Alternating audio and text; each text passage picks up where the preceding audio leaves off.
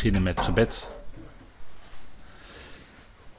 Vader, we danken u dat we ook deze avond weer van u mogen ontvangen. We danken u dat u trouw bent, dat we ook na misschien enkele weken, maar toch weer verder gaan met elkaar. Dank u wel dat u ons hier bij elkaar brengt. Dank u wel dat u ook bij hen bent die er niet bij kunnen zijn, om welke reden dan ook.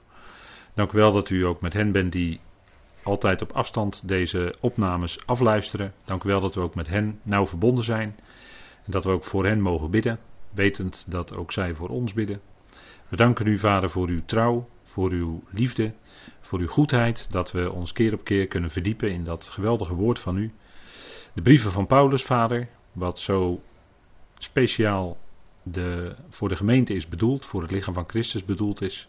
Vader, dank u wel dat we daaruit mogen putten, al die rijkdom. En dank u wel ook dat we met Filippenzen bezig mogen zijn. Een bijzonder stukje, Vader, de kern van de brief.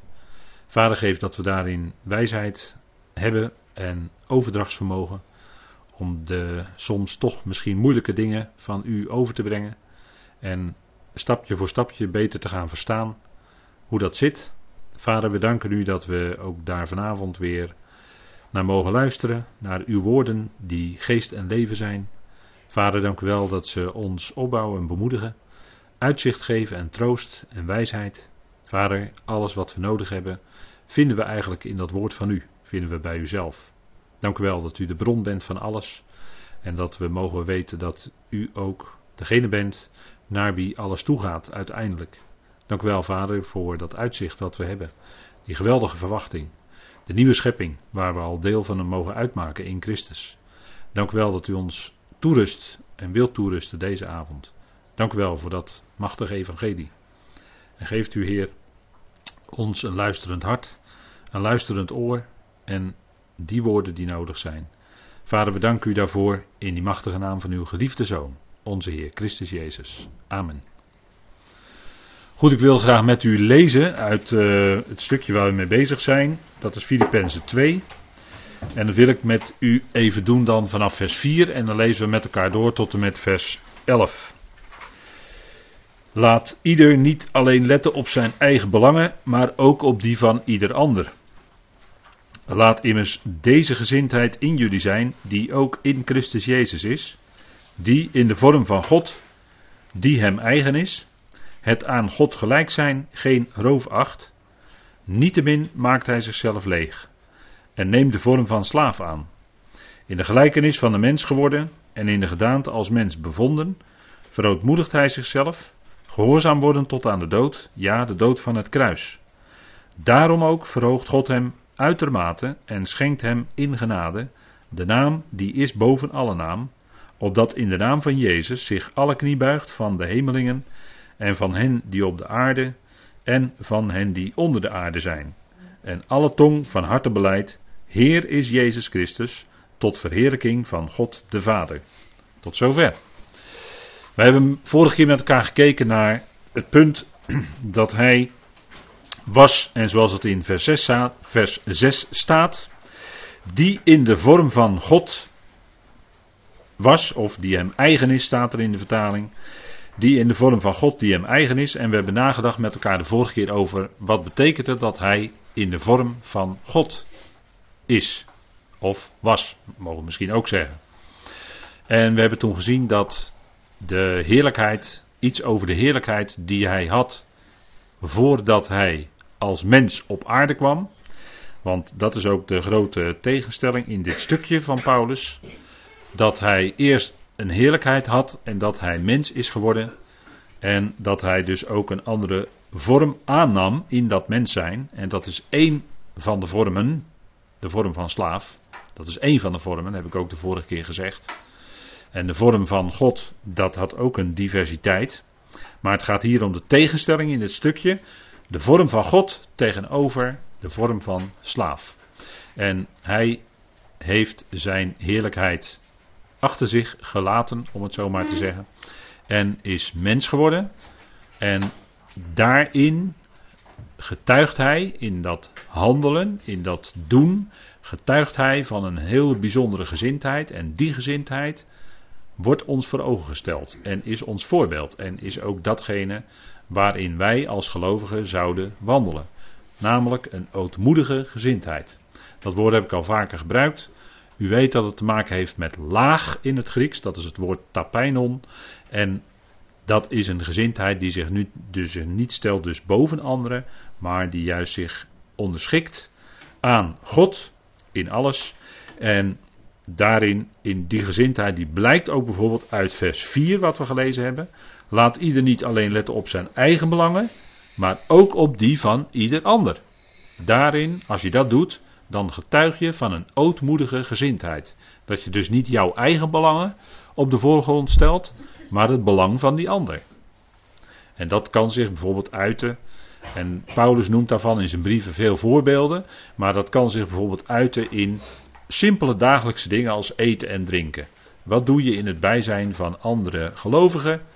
Eh, als je weet dat die andere gelovigen moeite zouden hebben met als jij vlees eet met bloed erin, of als jij wijn drinkt, of uh, wat dan ook. Als die ander daar moeite mee heeft, dan zul je letten op het belang van die ander, het geloof van die ander, het geweten van de ander. En zul je daarin aanpassen. Dat is een stukje ootmoedigheid. Dat is bijvoorbeeld een voorbeeld van ootmoedige gezindheid. En zo zijn er natuurlijk nog veel meer voorbeelden te noemen. Hè, dat uh, zeker waar het gaat om het uitleven van de eenheid van de geest. Want de eenheid van de geest die is er. Hè, dat hoort u mij regelmatig zeggen. En dat is omdat Paulus dat zegt in Efeze 4. Die eenheid van de geest die is er. En die zouden wij bewaren. En wanneer wij die bewaren, dan getuigt dat ook van ootmoedige gezindheid. Want in datzelfde Efeze 4, in die versen, is het eerste wat Paulus noemt voor onze wandel, waardige wandel als gelovigen, ootmoedigheid. Dat is het eerste woord wat hij gebruikt. En daarna komt gelijk de zachtmoedigheid en het geduld en het elkaar dragen. Dat komt daar zo achteraan. Nou, dat getuigt allemaal, als je dat doet, van die ootmoedige gezindheid. Jij stelt je dus niet boven die ander, maar je stelt je ootmoedig op. En dat is wat Paulus hier voor ons voorstelt. Hè? Vers 5. Laat immers deze gezindheid in jullie zijn, die ook in Christus Jezus is. En wij zouden naar de apostel Paulus luisteren. Hè? Dat doen wij hier ook. En wij spreken die woorden na, opdat we zo weer opnieuw in onze oren krijgen. En wat is die gezindheid van Christus Jezus? Hè? Wat is dat voor geweldigs? Hij was in de vorm van God. En daar hadden we de vorige keer ook bij stilgestaan. En dat willen we ook vanavond wat verder doen, wat diepgaander, opdat u het grote contrast wat duidelijker voor ogen gaat zien. Want u kunt deze tekst natuurlijk snel lezen in Filippenzen en zegt u ja, dat is heel fijn. Maar het is goed om dat nog verder uit te diepen, zodat u nog meer gaat verstaan wat Paulus precies doelt, hè? bedoelt. Hè? En Paulus was natuurlijk een uitnemend kenner van Tenach. En hij wist, hè, hij was door de Heer een aantal jaren opnieuw onderwezen. En waarschijnlijk was dat eh, in de buurt van de berg Sinai in Arabië. En daar heeft hij als het ware leren zien waar de Tenach werkelijk van spreekt, namelijk van die Messias die hij op weg ontmoette naar, eh, op weg naar Damascus ontmoette. Jezus in zijn verheerlijkte situatie waar hij drie dagen blind van was en hij is door die Heer onderwezen bij de berg Sinai in Arabië. En heeft, eh, de Heer heeft hem laten zien wat in de schriften allemaal op hem betrekking had. En dat is heel erg veel. En van daaruit kon Paulus dan op weg gaan en later heeft hij nog meer onthullingen gekregen. Maar kon hij op weg gaan en die geheimenissen bekendmaken en ook deze dingen bekendmaken. En dan krijgt u ook wat achtergrond uh, waar, wat Paulus wist en waar hij dan van sprak. Hij werd in de vorm gezien door anderen in de vorm van God. En de vorige keer zijn we geëindigd bij verwijzingen naar de profeten. En toen heb ik u ook gezegd, wij gaan de volgende keer daarnaar kijken. Dat gaan we dan dus nu doen. En dat is bijvoorbeeld, wat heeft een profeet als Ezekiel gezien? Ezekiel is de profeet die sprak van de heerlijkheid van God die wegging uit de tempel. Dat is zo hoofdstuk 9, 10 en 11, hè, Ezekiel.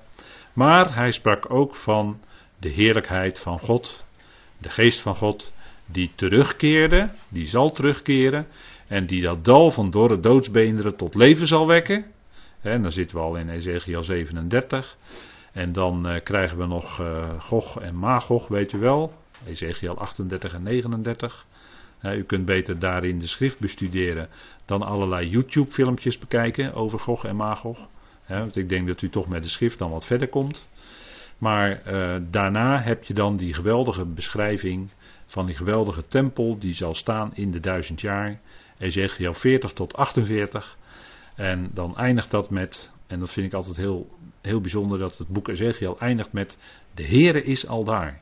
Yahweh Shama staat er dan. Daar eindigt Ezekiel mee. Laatste woorden. De Heere is al daar. De heerlijkheid van de Heer zal dan in die tempel zijn. In de duizend jaren. Als voorbereiding op de nieuwe schepping. En dan wordt het nog veel geweldiger. In de nieuwe schepping. Maar dat is dan de heerlijkheid. iets van die heerlijkheid mocht Ezekiel zien. Ezekiel 1, laten we dat even met elkaar opslaan, want dat is iets, een visioen, dat is het openingsvisioen van Ezekiel. En dat is heel moeilijk allemaal. Daar kan je ook wel een paar studies aan wijden hoor, om dat allemaal wat uit te leggen, wat dat allemaal betekent. dat is allemaal niet zo eenvoudig. Maar waar het nu voor vanavond om gaat, want we gaan daar niet heel diep op in, maar waar het voor vanavond om gaat, is wat Ezekiel zag. En hij zag iets van die heerlijkheid van de Heer. Hij zag natuurlijk allemaal zaken, hij zag raderen, hij zag uh, van alles. En dat is daar hier op dit uh, schilderij geprobeerd een beetje uit te duiden, wat ik hier uh, op dit, deze afbeelding, heb, op deze dia heb gezet. Dat is misschien iets wat Ezekiel zag. Maar dan gaan we naar het toppunt van wat hij zag, en dat is vers 26. En er staat, en boven het gewelf, daar heb je dat woord uitspansel weer, rakia. Ik noemde u dat ook vorige week in de openbaring bijbelstudie. Dat is het uitspansel. Dat is het, uh, het, het, ja, het hemelgewelf, zeggen ze dan, wel eens in vertalingen. Maar dat, is, dat zijn de luchtlagen of het, de hemelen die uitgespannen zijn boven de aarde. En ik zeg expres op deze manier, boven de aarde, omdat ik niet weet of de aarde een bol is. En ik betwijfel zeer sterk of de aarde een planeet is. Daar twijfel ik heel sterk aan, inmiddels. Maar in ieder geval is, zijn er wel luchtlagen boven het aardoppervlak. En dat wordt genoemd, en dat is een soort uitspanning. En dat is het woord rakia in het Hebreeuws. Dat is een uitspanning van hemelen boven de aarde. Boven het aardoppervlak. Dat is, dat is wat je in de Bijbel leest. Hè? Je leest ook over fundamenten van de aarde. En daar zullen we misschien vanavond ook nog over lezen, over die fundamenten. maar uh, dat is een ander idee, om het zo maar te zeggen, dan wat ons altijd voorgehouden is in onze opleiding, in onze scholen. Waar u en ik allemaal zo les in hebben gehad maar de Bijbel staat hoger dan dat, dat wat wij geleerd hebben op school. Staat de Bijbel altijd hoger, ook als het gaat om het wereldbeeld. En het uitspansel, ja, dat is toch een bijzondere uitdrukking. Daar wil ik u op wijzen. En boven het uitspansel, dat boven hun hoofden was, dus wat Ezekiel zag, was iets met het uiterlijk van een saffiersteen. Dus het, het, het lijkt erop, hè, en op, ik lees uit de herziene statenvertaling. En op de gelijkenis van een troon. Dus het lijkt op een troon, hè? let op het woord gelijkenis. En daarboven de gelijkenis, boven die gelijkenis van een troon, was iets wat leek op het uiterlijk van een mens. Dus de gelijkenis van een menselijke gedaante. En dat is niet zo dat God zich dan aanpast aan de mens. Nee, we hebben de vorige keer gezien dat de mens geschapen is, gemaakt is, in het, in het beeld en de gelijkenis van God. En we hebben ook gezien over wie dan gesproken wordt hè, in Genesis 1, vers 26. En de mens, dus Adam, werd gemaakt als kopie van het origineel. En wij gelijken op Adam. Wij zijn niet gemaakt naar het beeld van God. Nee, wij zijn gemaakt naar de gelijkenis en beeld van Adam. En Adam, en het woord dam in het Hebreeuws is niet alleen bloed, maar dalet mem is ook het woord, het, eh, de kernletters van het woord voor gelijkenis, dat is damut in het Hebreeuws. Dat is het woord gelijkenis, dus Adam betekent ook hij die gelijkt op. of hij die lijkt op. Dat, dat blijkt uit het Hebreeuws.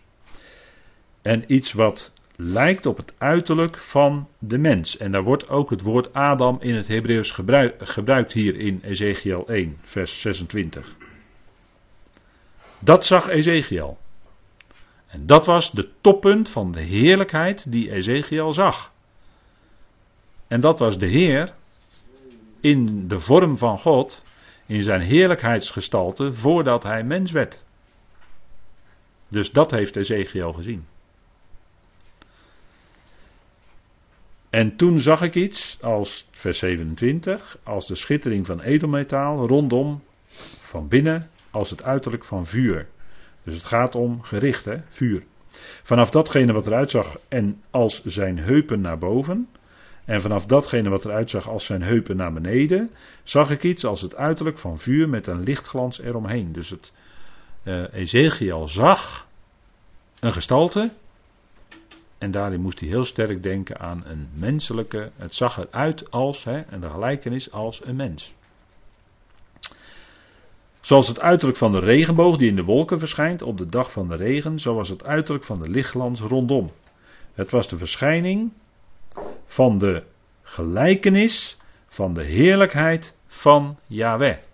Dus Ezekiel zag de heerlijkheid van Yahweh en daarin zag hij de Heer, wij zeggen dan Christus, in zijn heerlijkheid voordat hij werkelijk mens werd.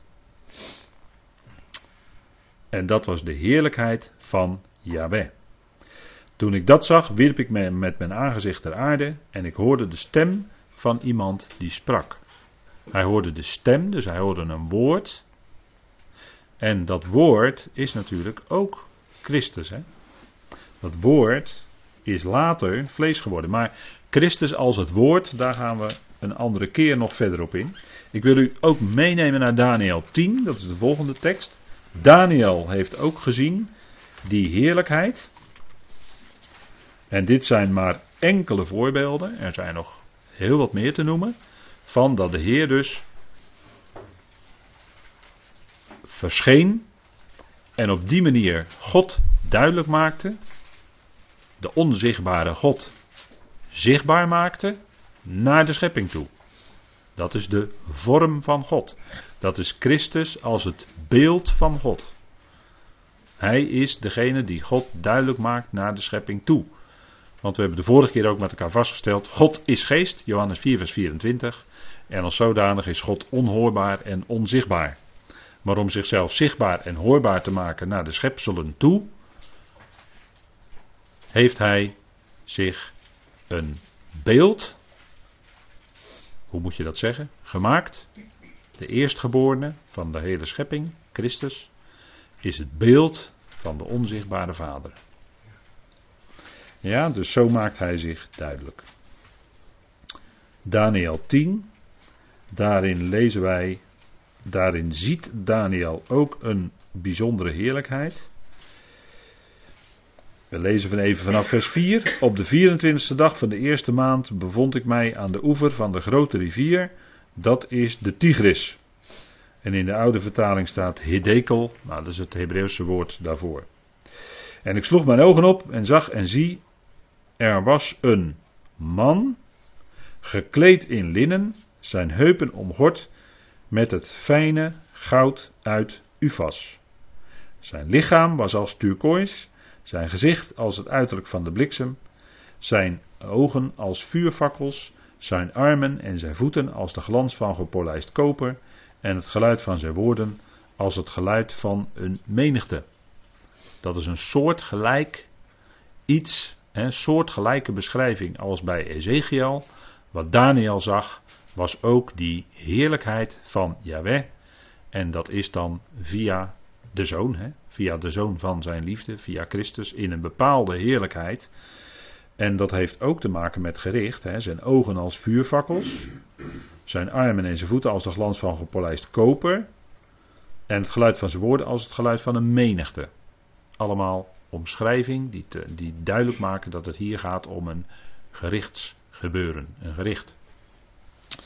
Dus ook Daniel zag die heerlijkheid, en daar hebben we toen bij de bespreking van het boek Daniel ook bij stilgestaan. En dat meen ik vergeleken ook met de gestalte in Openbaring 1, als ik het goed herinner. En zo zag Daniel ook die heerlijkheid van Christus. Jezaja 6, dat is er ook een. Ook de profeet Jezaja. Jezaja 6. Dat is ook bij de roeping van Jezaja. Waarin Jezaja zei, Heer, u roept mij, maar ik kan eigenlijk niet, want ik ben een man onrein van lippen. En dan weten we wel dat die boodschapper kwam en die raakte zijn lippen aan met die vurige kool. En die zei, nu ben je rein en kan je wel spreken. dat hebben mensen die voor, door God geroepen worden, die zeggen vaak dat ze zelf niet kunnen. Mozes zei ook, ja, ik kan niet spreken. Nou, dan geef ik je broer mee, Aaron. Die zal voor jou spreken dan. Jeremia zei, ik kan het niet. Maar hij kon niet anders, hij moest toch. Hè? Jeremia die, die, die sidderde voor die opdracht die hij had om dat woord van God te gaan brengen aan dat weerspannige volk. En God gaf hem toch die kracht om dat te kunnen. En zo zijn er meer geweest hoor, die zeiden van ik kan helemaal niet spreken en ik kan helemaal niet voor een groep staan. En die door God geroepen werden en het wel konden. Want God geeft dan die kracht, God heeft dan dat vermogen. Dat is ook niet uit jezelf, dat is natuurlijk God die dat geeft. dat is steeds met uh, dingen die wij te doen krijgen. Dat is heel vaak zo, ja heer, dat wil ik niet of dat kan ik niet. Ja, dat speelt voor de heer natuurlijk helemaal geen rol. Dat weet de heer ook wel, dat je het niet kan en niet wil. Maar dat, dat speelt geen rol. De heer maakt het wel dat je het toch wil en toch kan hoor. Dat staat in hetzelfde hoofdstuk, hè, Filippenzen 2. Hij werkt het willen en het werken in ons uit. Hè. Maar dat is dan Gods werk. Jezaja 6, hij zag daar de heerlijkheid van Yahweh. En hij ziet dan, hij hoort dan roepen, bijvoorbeeld boodschappers, of in dit geval serafs. Die riepen tot elkaar, heilig, heilig, heilig is Yahweh Zebaot, de Heer van de legermachten. Heel de aarde is vol van zijn heerlijkheid. En dat zal in de duizend jaren ook zo zijn. Hè? En in vers 5, dan zegt Jezaja dat inderdaad. Toen zei ik, wee mij, want ik verga, ik ben immers een man van onreine lippen. En woont te midden van een volk met onreine lippen. Mijn ogen hebben namelijk de koning, de heren van de legermachten gezien, hè, Yahweh Zebaot. Mijn ogen hebben Yahweh Zebaot gezien. Hij zag niet de onzichtbare vader, maar hij zag hier de zoon. Hij zag hier Christus in zijn heerlijkheid. Want die, die is het beeld van God. op het moment dat wij Yahweh kunnen zien, is het de zoon. Die dan als die onzichtbare vader, of namens, of voor die onzichtbare vader optreedt als God, als Yahweh. de, want God is onzichtbaar en onhoorbaar. En de Joodse wijzen, de oude Joodse wijzen, spreken dan, om het zomaar aan te duiden, in dit geval, die spreken dan over, dat noemen ze dan de Ensof.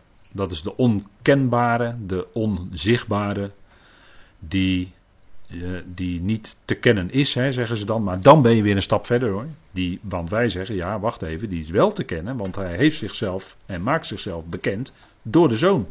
Hij maakt zichzelf wel degelijk bekend. En dat mist men dan, hè, dat missen dan die wijzen, helaas. Maar goed, u weet dat, dat, ik noem het maar even, dat u dat weet dat dat klinkt hè, binnen het Jodendom.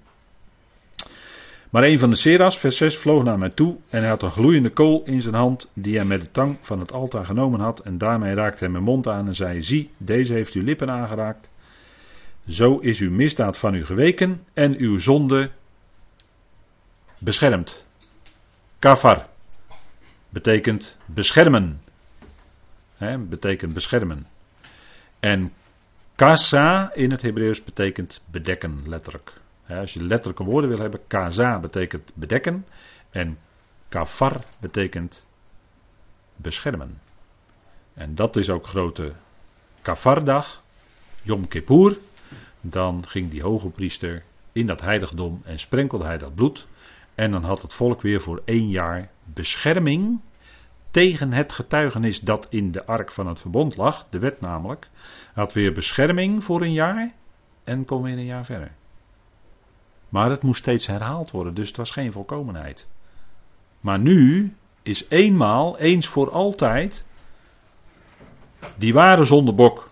En dat, is dat was dan een type van de Heer Jezus Christus, geslacht en is het bloed de hemelen binnengegaan en is eens voor altijd daarmee de zonde voor God weggedaan. Zodat er geen herhaling plaats hoefde te vinden. Nou, daar spreekt Hebreeën onder andere over en Romeinen 3 vers 25. En dat zijn natuurlijk geweldige woorden, want dat maakt duidelijk hoe geweldig dat evangelie is en dat betreft iedereen. Alleen velen zijn zich dat nog niet bewust. Maar u en ik mogen daar, ons daarvan iets bewust zijn en dat is geweldig. Nou, zo werd, de, zo werd uh, Jezaja werd, uh, op dat moment rein verklaard om dat woord van God te spreken. En dat heeft hij dan ook gedaan, 66 hoofdstukken lang. Hè? En wij spreken natuurlijk niet over een uh, Deutero Jezaja en een Trito Jezaja en al die. Um, hoe moet ik dat nou zeggen? Dat, dat moet je eigenlijk brengen bij de Ramsch. Ja?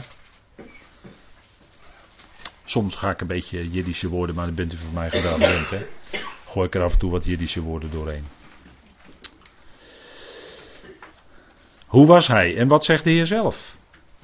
Wat zegt de Heer zelf over zijn vroegere heerlijkheid? Hè? Want we hebben nu een aantal plaatsen bekeken uit de nacht. En we hebben daarbij gezegd, dat was zijn vroegere heerlijkheid. En wat zegt de Heer Jezus daar zelf van? Wat getuigt hij daar zelf van? In Johannes 17 bijvoorbeeld. Hè, wat, wat dan altijd genoemd wordt uh, het hogepriesterlijk gebed. Maar dat is een kopje boven wat toegevoegd is. Het staat er niet, hè. Het staat er niet boven. Maar het is het gebed wat de Heer uitspreekt in de opperzaal te midden van zijn discipelen. en dan spreekt hij over inderdaad toch die vroegere heerlijkheid. En ik lees het met u even vanaf vers 3. En dit is het Ionische leven. Dat is het leven wat ook in de Ion zal zijn. Dat zij u mogen kennen, de ene waarachtige God en Jezus Christus die u gezonden hebt. Ja, ik heb u verheerlijkt op de aarde. Ik heb het werk volbracht dat u mij gegeven hebt om te doen. En nu verheerlijkt mij u, Vader, bij uzelf, met de heerlijkheid die ik bij u bezat, voordat de wereld er was. En ik heb het hier op deze dia iets uh, nauwkeuriger vertaald. En er staat eigenlijk: En nu verheerlijk mij u, Vader, bij u, met de heerlijkheid die ik had voor de wereld is. En dat lijkt misschien een beetje vreemd. Een verleden tijd en dan wordt er direct een tegenwoordige tijd gebruikt in het Grieks, maar dat is nou eenmaal een eigenheid van het Grieks. En zoals dat in de Bijbel ook is opgenomen, dat er soms in het verleden een zin, een zin spreekt over het verleden, maar dan wel de tegenwoordige tijd gebruikt. Dat is een beetje moeilijk misschien, maar zo, dat verschijnsel doet zich vaker voor in het Grieks. Maar hij refereert hier aan zijn vroegere heerlijkheid. En hij bidt dat de Vader hem zal verheerlijken. En hij wist ook dat de Vader dat zou doen. Dwars door die weg heen die hij nog moest gaan. Die hele diepe weg. Maar hij wist die heerlijkheid en de vreugde die hem voorgesteld was. Dat wist hij. Spreekt Hebreeën 12 ook over, hè? Dat hij die loopbaan heeft gelopen. En dat hij dat kruis, de schande, niet heeft veracht. Want hij zag op die vreugde die hem voorgesteld was. Door wie? Door de Vader natuurlijk. Hij wist dat hij heerlijkheid zou krijgen na het lijden. En daar bidt hij hier ook om. Dus hij bidt op datgene wat hij al wist. En dat kunnen wij ook doen. Wij kunnen bidden op datgene wat wij al weten. dat, dat vader het gaat uitwerken in het leven van hen die ons lief zijn. En dat doet vader ook. We weten dat hij dat doet, want alles werkt mee ten goede. En toch bidden wij voor degenen die ons lief zijn. In die overtuiging dat vader ook het inderdaad zal uitwerken ten goede. Wat er gebeurt. Maar dat vader dan toch in die moeilijke situatie, in die omstandigheden, die draagkracht zal geven die nodig is om er doorheen te kunnen komen. En dat was ook voor Paulus steeds die diepe overtuiging. Voor Paulus was het om het even of hij arm was, of dat hij, hè, dat hij te weinig had, of dat hij het goed had, of zelfs overvloed had. Het was Paulus allemaal om het even. Waarom? Hij maakte zich ten diepste, ten diepste geen zorgen. Omdat hij alles bracht met gebed en smeking, met dank bij vader. Omdat hij wist dat vader het zou uitwerken ten goede. Daarom maakte, en dat lijkt misschien heel raar, maar dat was niet achterloze zorgeloosheid van Paulus, maar dat was juist heel bewust alles bij vader brengend, met dankzegging. En dan hoef je je geen zorgen te maken. Dan hoef jij niet in je gedachten steeds maar te tobben en te piekeren en mee te dragen. Wat niet hoeft, want ten diepste ligt dat in de hand van vader. Hoewel je bewogen bent met die ander, hoewel je betrokken bent bij die ander, heel erg. Maar je bidt ervoor en je weet dat vader het zal uitwerken. En dan geeft vader het ook dat je het kan loslaten. dat, dat is een geheimenis, dat je het kan loslaten. Dat je het bij vader kan laten, werkelijk kan laten. Zodat je goed kan slapen daarna. De Heer bracht, bad hier ook op datgene wat hij wist. En nu verheerlijk mij, u, vader, bij u, met de heerlijkheid die ik had voor de wereld is. En dat was een enorme heerlijkheid. Dat hebben we de vorige keer ook gezien. Dat hij was de eerste. En in hem, de zoon van zijn liefde was de eerste. En in hem is het al geschapen, zegt Paulus in Colossens. Hoor. Dat is de hoogste onthulling. Dat is het allerhoogste. Dat is het diepste, het meeste wat God bekend kon maken. Colossense 1. dat hij in het beeld van God het al heeft geschapen. De zoon van zijn liefde. En ook door hem en tot hem het al heeft geschapen. Dat is een enorme onthulling hoor. Dat lees je nergens anders. Alleen in Colossense. En dat is fantastisch als je dat tot je doordenkt wat dat betekent. maar dat is de heerlijkheid die hij had. Daar spreekt hij hier over. En dan moet eens nagaan wat het dan enorm is dat hij mens is geworden. Onvoorstelbaar, wat een, wat een afdaling is dat. En hij spreekt ook over die vroegere heerlijkheid in Johannes 8. En de Heer was steeds in gesprek met de Joden, Johannes 8. En Johannes 8, dat is een, uh, een moeilijke tekst, uh, omdat dat, uh, ja, die dingen zijn soms omstreden. Maar goed, ik, ik heb daar zelf niet zo'n probleem mee, maar soms is dat omstreden bij sommigen. Maar er, wordt hier, er is dan een heel gesprek gaande over de Heer. En dan halen de Joden Abraham erbij. Hij refereert aan de waarheid. Als hij zegt, en dan gaan we e- heel even terug naar uh, vers 30 van hoofdstuk 8. En toen hij deze dingen sprak, geloofden velen in hem. Jezus dan zei tot de Joden die in hem geloofden: Als jullie in mijn woord blijven, zijn jullie werkelijk mijn discipelen. En jullie zullen de waarheid kennen, en de waarheid zal jullie vrijmaken. En zij antwoordden hem: Wij zijn Abraham's zaad en zijn nooit slaaf van iemand geweest. Hoe kunt u dan zeggen: U zult vrij worden? Jezus antwoordde hen: Voorwaar, voorwaar, ik zeg jullie: ieder die de zonde doet, is een slaaf van de zonde. En de slaaf blijft niet voor de aion in het huis, de zoon blijft er voor de aion. Als dan de zoon u vrijgemaakt heeft, zullen jullie werkelijk vrij zijn. Ik weet dat jullie Abrahams nageslacht zijn, maar jullie proberen mij te doden omdat mijn woord in jullie geen plaats krijgt. Ik spreek over wat ik bij mijn vader gezien heb. Jullie doen dus ook wat jullie doen dus ook wat jullie bij jullie vader gezien hebben. Zij antwoordden zij tegen hem: Abraham is onze vader. Jezus zei tegen hen: Als jullie Abrahams kinderen zijn, doen jullie de werken van Abraham. Maar nu proberen jullie mij te doden, een mens die de waarheid tot jullie spreekt, die ik van God hoor, en dat deed Abraham niet. Jullie doen de werken van jullie vader. Ze zeiden dan tegen hem: Wij zijn niet geboren uit hoererij. Wij hebben één vader, God. Moet eens even nagaan wat ze hier zeggen, hè? Van de Heer. Dat is een ongelooflijke aantijging. Jezus dan zei tegen hen: Als God jullie vader was, zouden jullie mij lief hebben.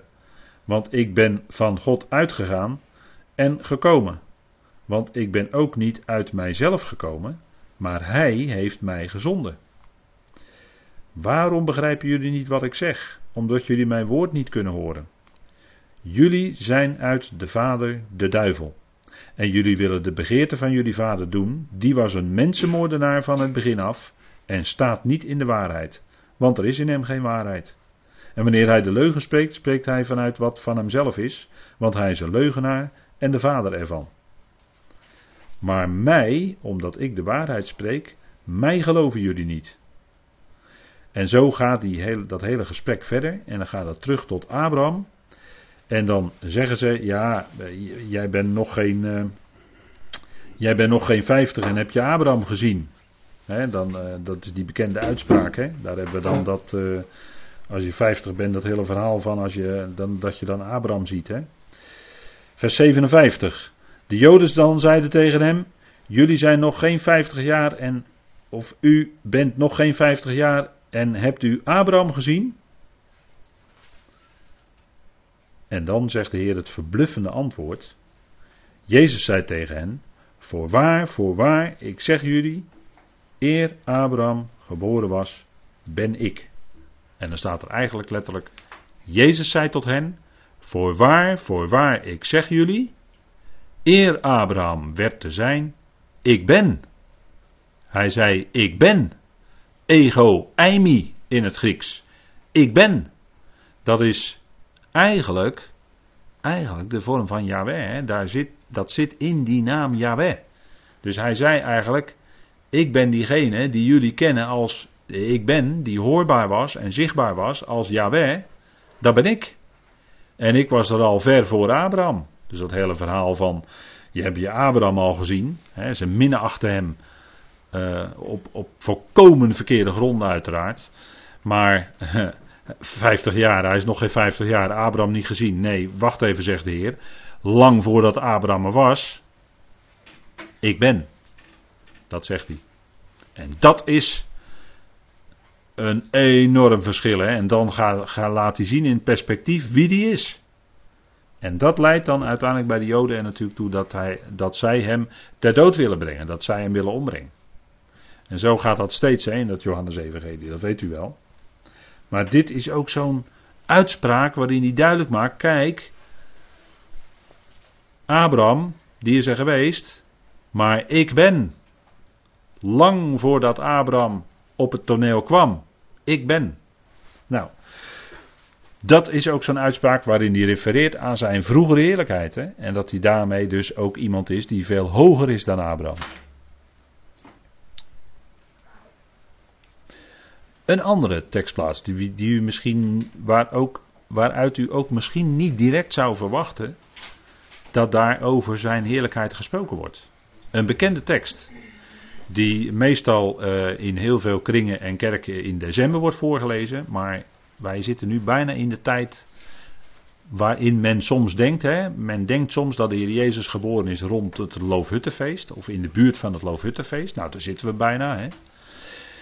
Um, dus dan, dan kunnen we nu deze tekst heel passend lezen op dit moment. Hè. Vroegere voortkomens. Dat voortkomen is misschien een beetje wat ouder woord. Maar ik denk dat het even in dit verband toch goed is om dat te gebruiken. Micha 5 vers 1. Dat wisten de schriftgeleerde feilloos. Hè, toen daarna gevraagd werd. Wisten ze feilloos deze tekst te citeren. Dat de Messias zou uit Bethlehem komen.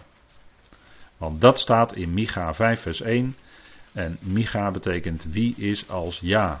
Mooie naam hè. Wie is als ja.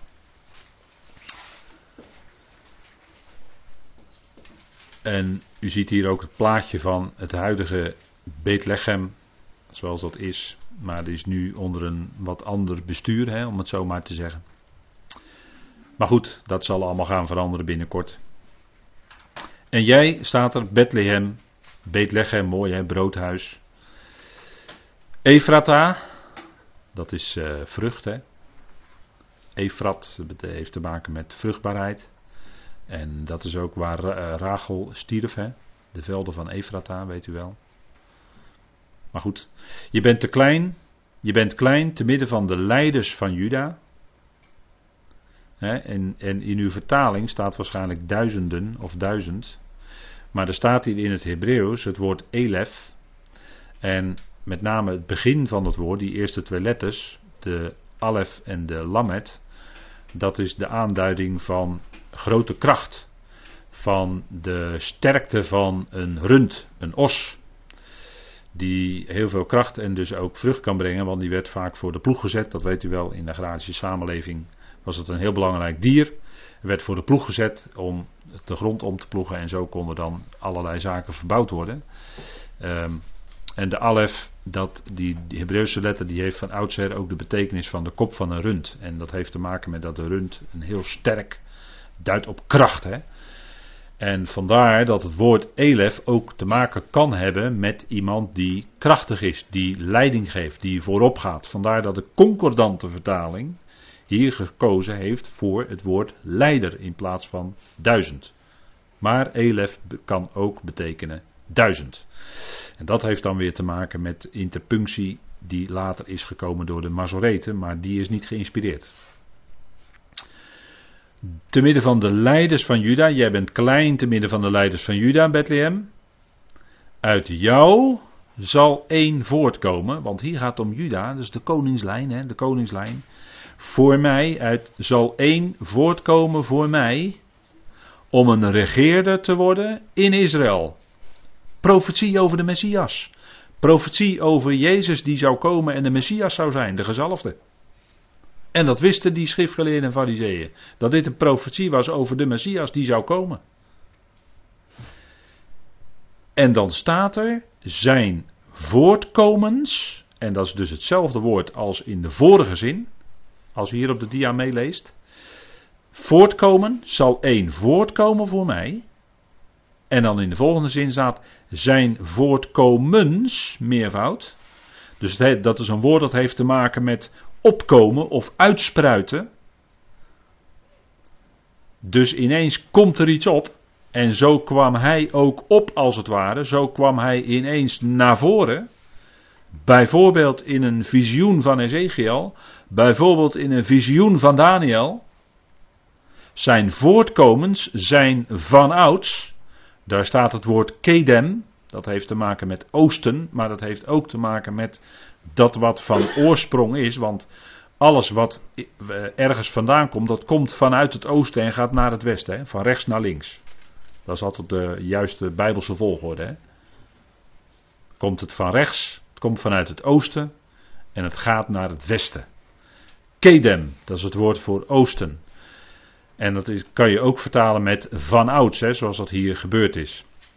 En dan staat er nog bij van Ionische dagen af. Dan wordt het woord olam gebruikt in het Hebreeuws. Maar we kunnen dan vertalen met Ionisch, hè, want Aion is het Griekse woord, maar dat is in feite hetzelfde begrip als olam. De grondbetekenis, als je heel ver teruggaat tot de wortels van die woorden, dan is, is eigenlijk hetzelfde. Zijn voortkomens zijn van ouds van Ionische dagen af. Dus hij is meerdere keren als het ware uitgesproten. Hij is meerdere keren voortgekomen van ouds van Ionische dagen af. Spreekt over de vroegere heerlijkheid van de Messias. Die later zou voortkomen inderdaad uit Bethlehem Efrata. En we hebben daar nog meer teksten van. Waarin hij voorkomt. En ik heb u een aantal voorbeelden hierop gezet. Hij ging met Adam en Eva om in de hof. En hoe werd hij dan, hoe was hij dan te zien? Nou, waarschijnlijk als, als een soort menselijke gestalte. Met een, bepaald, uh, met een bepaalde uitstraling, met een bepaalde afglans. Hè. Wij, wij gebruiken dan het woord aura. En dat is een besmet woord, dat weet ik wel. Want het wordt tegenwoordig op een heleboel andere manieren gebruikt. Maar goed, als je gewoon puur kijkt naar het woord aura, dat betekent een lichtkran, grans, krans, glans om iemand heen. Hij ging met Adam en Eva om in de hof. Hij wandelde met hen in de avondkoelte. Of in het, uh, eigenlijk staat er het, uh, het, het, deel van de dag waarin er een aangename, even een aangename koelte kwam. Een aangename wind kwam eigenlijk staat er. Hè? in, in de concordante vertaling vertalen ze dan eh, the windy part of the day. Dus het, het, het, winderige deel van de dag. En dan ging hij met hen om. Dan sprak hij met hen. Wie was dat? Nou, dat was hij. De Heer Jezus Christus. Kain.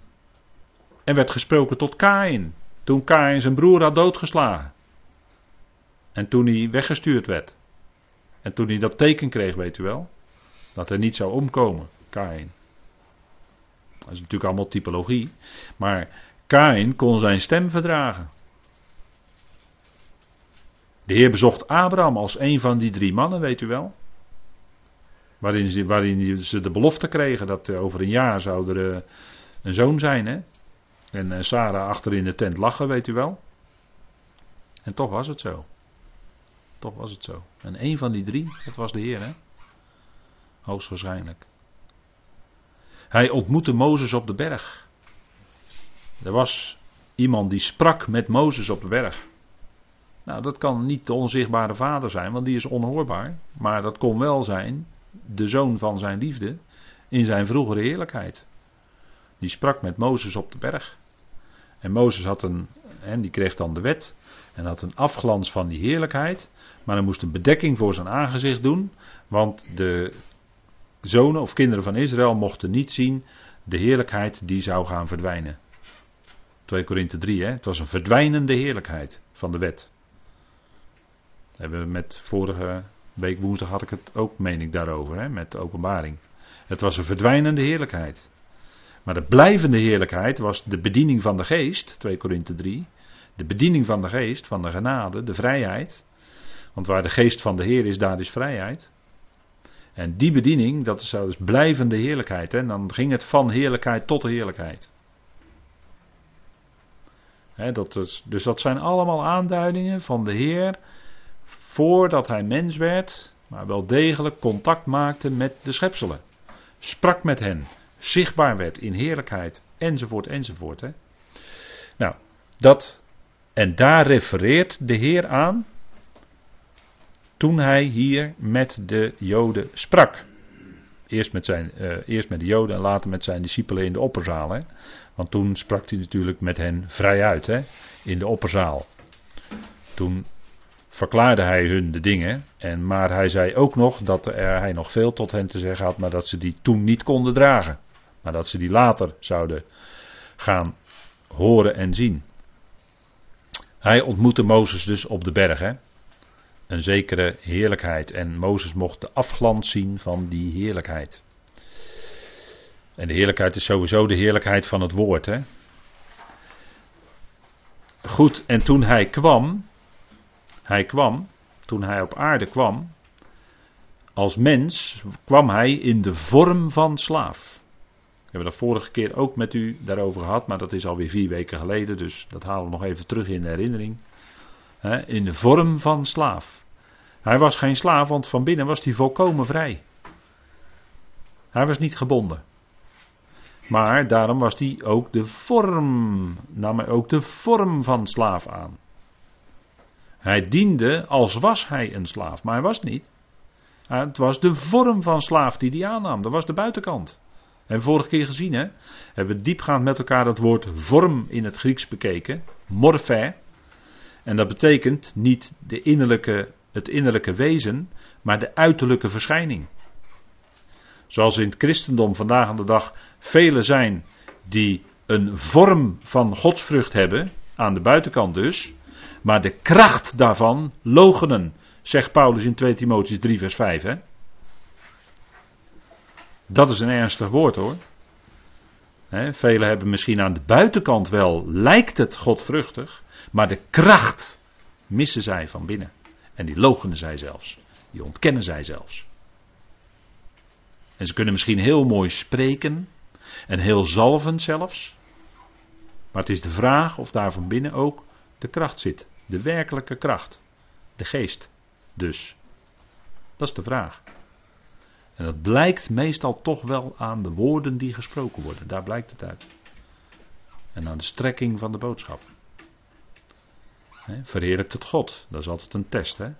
Als iemand spreekt. Verheerlijkt het God. Verheerlijkt het Christus. Of staat de mens centraal en wordt de mens verheerlijkt. Dat is een heel belangrijke toetssteen als er gesproken wordt. En dan kan iemand nog zo mooi en nog zo zalvend spreken en nog zulke mooie woorden gebruiken. En nog zo'n mooie opbouw hebben in de preek en drie punten en noem alles maar op. Maar als het niet God eert, als het niet Christus centraal stelt, maar in plaats daarvan andere dingen of de mens centraal, dan moet je als gelovige gaan twijfelen. Is dit wel wat God bedoelt? Is dit wel het woord van God wat gesproken wordt? Dat is altijd een belangrijke toets. En natuurlijk altijd alles toetsen aan de schrift. Wees een bereer. Toets aan de schrift wat er gezegd wordt. Ga deze dingen zelf na of het ook zo is. dat, dat zijn hele belangrijke principes.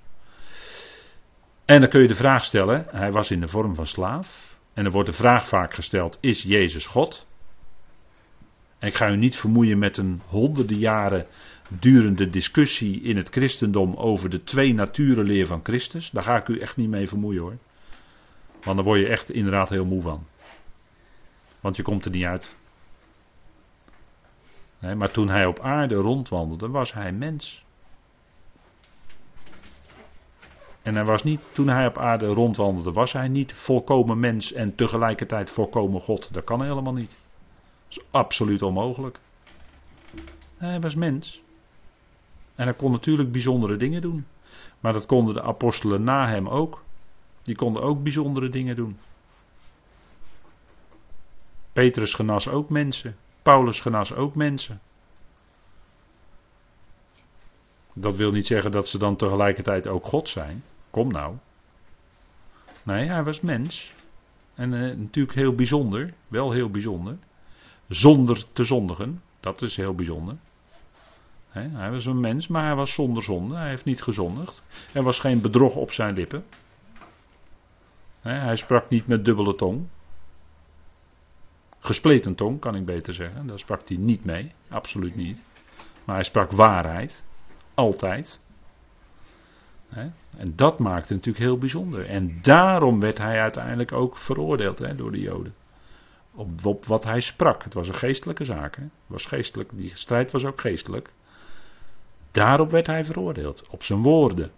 Maar zijn woorden waren waar. Absoluut. Van A tot Z. Hij was de waarheid. Hij is de waarheid. De weg en het leven. Zeker wel. En dat maakt hem natuurlijk tot een heel bijzonder. Een hele bijzondere. Hij was de enige die zonder zonde was. En hij die zonder zonde was, werd tot zonde gemaakt. En dat is het geweldige evangelie. Hè? En voordat hij kwam, was Jezus God voordat hij kwam. We hebben gezien dat hij was niet de absolute God zelf. Dat kan niet. Nee, hij was in de vorm van God. Hij was het beeld van God. Hij is het woord van God. Maar hij is, niet, hij is niet dezelfde als de vader. Dat kan niet. De zoon kan niet dezelfde als de vader zijn. Anders kun je niet eens spreken over vader en zoon. dat zijn allemaal verschillen. Maar voordat hij op aarde kwam, representeerde hij de onzichtbare vader, de onzichtbare God, naar de schepping toe. En als zodanig kon hij wel aangesproken worden als God, inderdaad. Kon het tegen hem Elohim gezegd worden? Kon het tegen hem Yahweh gezegd worden? Zeker, zeker. En dat maakt het voor veel mensen heel moeilijk. Maar de, de Vader is de onzichtbare God, de Allerhoogste. En de Zoon is in de vorm van God, was hij. Hij is het beeld van God, hij is het woord van God. En hij had een enorme heerlijkheid. Hij representeerde God naar de schepping toe, naar de schepselen. Daar hebben we voorbeelden van gelezen. En nu, nu is hij aan Gods rechterhand. En er wordt nog steeds over hem gesproken. Een mens Christus Jezus, hè? 1 Timotheus 2. De mens Christus Jezus, maar wel verheerlijkt aan Gods rechterhand. En als zodanig kan hij ook God representeren. En dat zal hij ook doen in de toekomst. Nou, dat zijn zomaar even wat opmerkingen tussendoor. Hè? Kijk, als we nog even doorgaan over het feit dat hij een vroegere heerlijkheid had. En dat dat later veranderd is. En dat het doorlijden dus heen gegaan is naar weer heerlijkheid. Hij daalde neer uit de hemel. Hè? Staat ook, hij daalde neer uit de hemel. Bijvoorbeeld Johannes 6. Hij is het brood dat uit de hemel neerdaalde. Het manna was een type van Christus, natuurlijk. Natuurlijk. Dat zegt de Heer zelf. Het manna was een type van Christus. Maar hij is het ware brood dat uit de hemel neergedaald is. Hij kwam dus ergens vandaan. Daarvoor was hij er al. En daar kwam hij vandaan en hij is neergedaald. Ja, en over dat neerdalen, daar hebben we een hele serie teksten zelfs. en bijvoorbeeld Johannes 6, ik heb het hier op deze dia gezet. Hij daalde neer uit de hemel. En als jullie de zoon van Adam nu eens zouden zien opvaren naar de plaats, en dan zegt hij, waar hij eerder was. Waar hij eerder was. In zijn vroegere heerlijkheid. Maar hij was afgedaald. En hij wandelde op aarde rond en hij sprak over zichzelf als, en dat kon hij zeggen. Hè, als één het kon zeggen, was hij het. Ik ben het brood van het leven. Prachtige metafoor, hè? schitterend. Ik ben het brood, namelijk het leven. Want je moet brood eten om in leven te blijven. En hij is dat brood, hè, geestelijk gezien. Dus voor je geestelijk leven heb je brood nodig. Ik heb een tijdschrift gekend, ik weet niet of dat nog steeds verschijnt. Brood voor een hongerig hart. Stond altijd fijne artikel in. Maar dat was geestelijk voedsel voor een geestelijk hongerig hart. En dat was voedsel uit het woord van God. Hij is het brood van het leven. En hij zegt van zichzelf: als je mij nou eens zou zien opvaren naar de plaats waar hij eerder was. Dus daar refereert hij weer aan zijn vroegere heerlijkheid. Maar hij is uit die heerlijkheid afgedaald. En dan lezen we over zijn rondwandeling hier op aarde. En dat is natuurlijk geweldig dat hij brood van het leven is. hij is niet alleen brood van het leven, maar hij is ook het licht van de wereld. Kon hij ook zeggen van zichzelf. Hij genast de blind geborene en hij zei van zichzelf: Ik ben het licht van de wereld prachtige metafoor weer. Maar hij is in de geestelijke bereik, geeft hij licht. Hij doet het licht aan in de menselijke duisternis. In die menselijke harten waar het duister is. Maar hij doet het licht aan. En hij zal dat uiteindelijk bij iedereen doen. Dat is het geweldige. Hij genas die blind geborene. En u kent die hele discussie wel in Johannes 9. maar dat was een vorm van kwaad wat die blind geborene overkwam. Hij was blind, vorm van kwaad. Maar waarom was diegene nu blind geboren? Dat was opdat de werken van God in hem zichtbaar gemaakt zouden worden. En hij genas hem. Daarom was hij blind geboren. En daarin zit een geweldig antwoord op het probleem van het kwaad. Dat kwaad moet er zijn, opdat de werken van God geopenbaard zouden worden. Opdat de mensen zouden gaan zien en ervaren wie God is zonder kwaad weet je ook niet wat goed is. Zonder licht, zonder duisternis weet je niet wat licht is. Zonder haat weet je niet wat liefde is. Dat moet er allemaal zijn, die contrasten, dat moet er allemaal zijn. En dat was in, in Jezaja een hoge onthulling, waar we van de zomer ook bij stil hebben gestaan in de Bijbelstudie. Dat was een hoge onthulling over God, dat Yahweh van zichzelf zegt dat hij de schepper van het kwaad is. Dat is niet zomaar wat hoor. Dat was een veel hogere onthulling dan daarvoor in Tenach bekend was gemaakt. En later gaat Paulus dat nog in de volle diepte laten zien. Waartoe dat is. Maar dat zijn moeilijke dingen voor mensen. En toch als we de schriften volgen. Dan zullen we dat toch moeten als gelovigen niet anders dan kunnen. Ja, het staat er hè. Het staat er. En de Heer zei in vervolg op Johannes 6 tegen uh, Maria in de opstanding. Even hè, nog terugdenken aan Johannes 6, hè, wat hij daar zegt. Als jullie de zoon van Adam nou eens zouden zien opvaren naar de plaats waar hij eerder was, dan zien we later dat hij tegen Maria zegt dat hij ook daadwerkelijk zal opvaren. Maar dat hij in de opstanding nog niet opgevaren was. Raak mij niet aan, zegt hij tegen Maria, want ik ben nog niet opgevaren naar mijn vader. Maar ga naar mijn broeders en zeg tot hen: Ik vaar op naar mijn vader en jullie vader en mijn God en jullie God. Kijk, dit sluit zo aan op Johannes 6. Hè?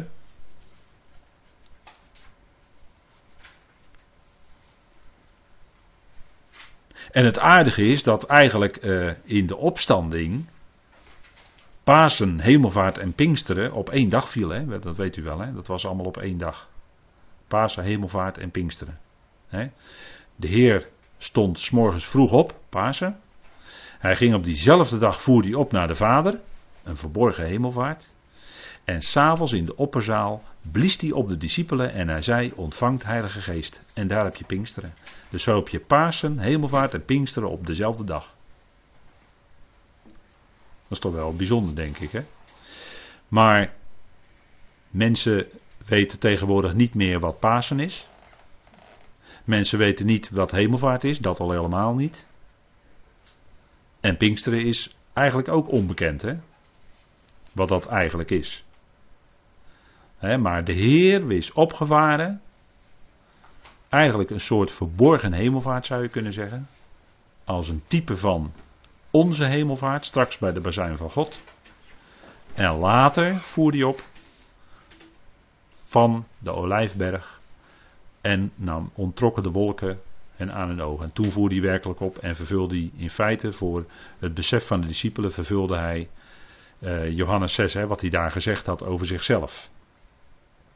Goed, ik stel voor dat we even met elkaar een kopje koffie drinken.